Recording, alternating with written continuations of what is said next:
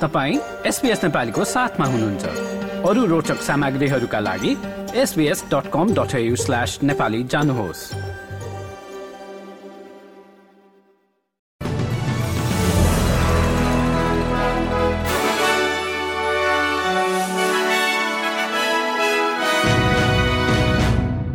नमस्कार एसपीएसको मंगलबार आठ नोभेम्बरको नेपाली समाचारमा हार्दिक स्वागत छ। म कृष्ण पोखरेल।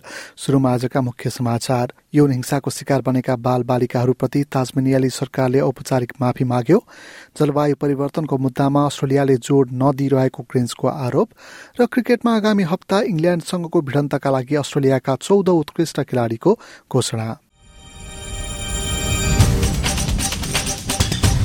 यौन हिंसाको शिकार बनेका बाल बालिकाहरूप्रति ताजमेनियाली सरकारले औपचारिक माफी मागेको छ राज्यका प्रिमियर जेरेमी रकलिफले ताजमेनियाको संसदमा औपचारिक रूपमा उनीहरूले सहेको पीड़ाप्रति माफी मागेको बताएका छन् वर्तमान र अघिका सरकारले आवश्यक कदम चाल्न नसकेको कुरालाई स्वीकार्दै उनले माफी मागेका हुन्.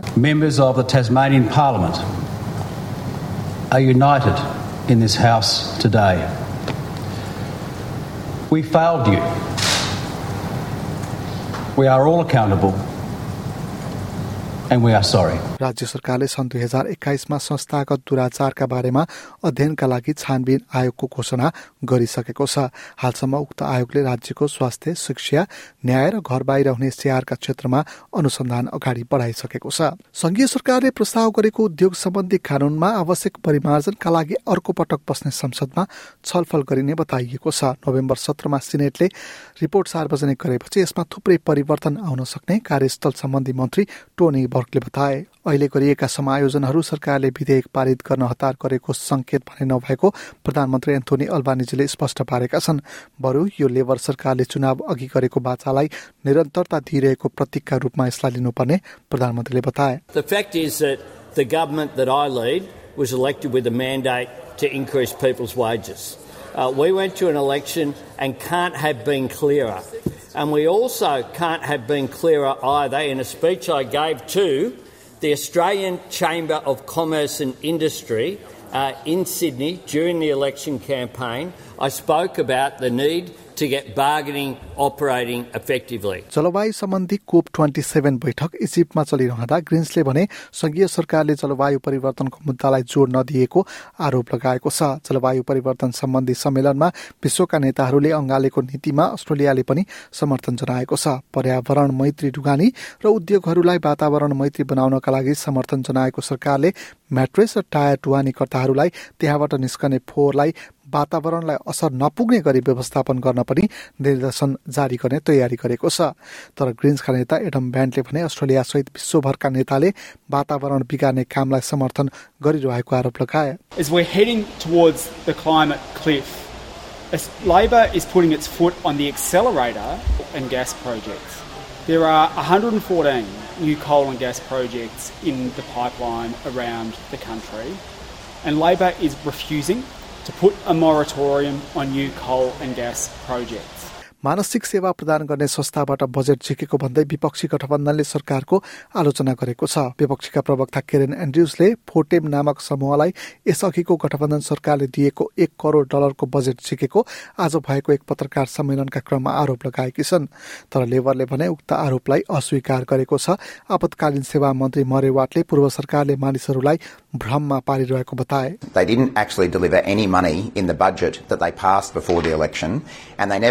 a contract with Fortum before the election to provide those funds.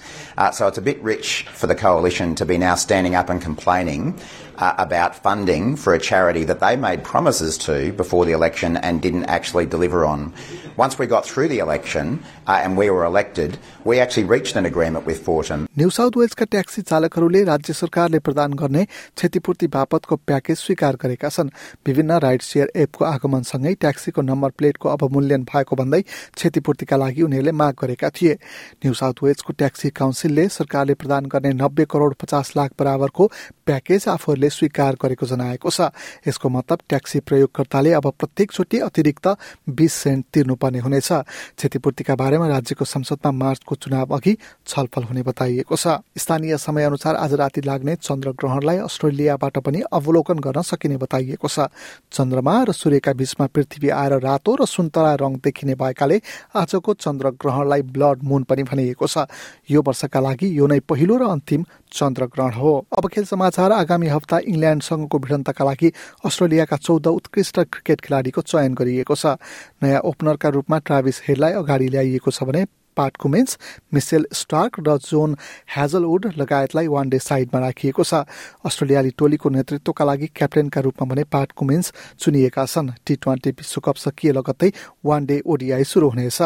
अस्ट्रेलियाका पूर्व क्रिकेटर माइकल हुसेले फक्स न्युजसँग कुरा गर्दै चयनकर्ताहरूले खेलाडी छनौट गर्दा प्रत्येक खेललाई विशेष ध्यानमा राखेर गरेको बताए I'm, glad I'm not George Bailey and one of the selectors having to make these tough calls. But I think it's a good place for Australia to be. They might be able to rest a bowler here or there, depending on how they're going. It's been a big summer already, you know, with the T20 World Cup and um, and other things on as well. Um, so I, I would expect maybe to they'll rotate it around a little bit. अब भोलि बुधबारको मौसम सम्बन्धी विवरण भोलि पर्थमा आंशिक बादलको अवस्था र तेइस डिग्री एडिलेडमा साझा पख बताससँगै पानी पर्न सक्ने र अधिकतम तापक्रम भने बत्तीस डिग्री मेलबर्नमा घाम लाग्ने सम्भावना सहित उन्तिस डिग्री अधिकतम क्यानबेरामा पनि घाम लाग्ने सम्भावना सहित चौबिस डिग्री उल्लङ्घनमा पनि घाम लाग्ने र बाइस डिग्री सिडनीमा पनि अधिकांश समय घाम लाग्ने अवस्था सहित तेइस डिग्री न्यू क्यासलमा पनि अधिकांश समय घाम लाग्ने अवस्था र पच्चिस डिग्री ब्रिजबेनमा पनि अवस्था उस्तै अर्थात् घाम लाग्ने र छब्बिस डिग्री केन्समा पनि अधिकांश समय घाम लाग्ने अवस्था र डार्बिनमा भने बताससँगै केही बेर पानी पर्न सक्ने र अधिकतम तापक्रम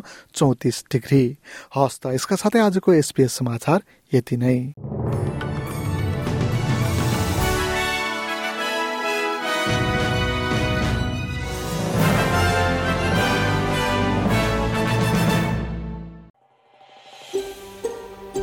यो जस्तै अन्य प्रस्तुति सुन्न चाहनुहुन्छ। एप्पल पोडकास्ट गुगल पोडकास्ट स्पोटिफाईमा हामीलाई खोज्नुहोस् वा तपाईँले पोडकास्ट सुन्ने अन्य सेवामा।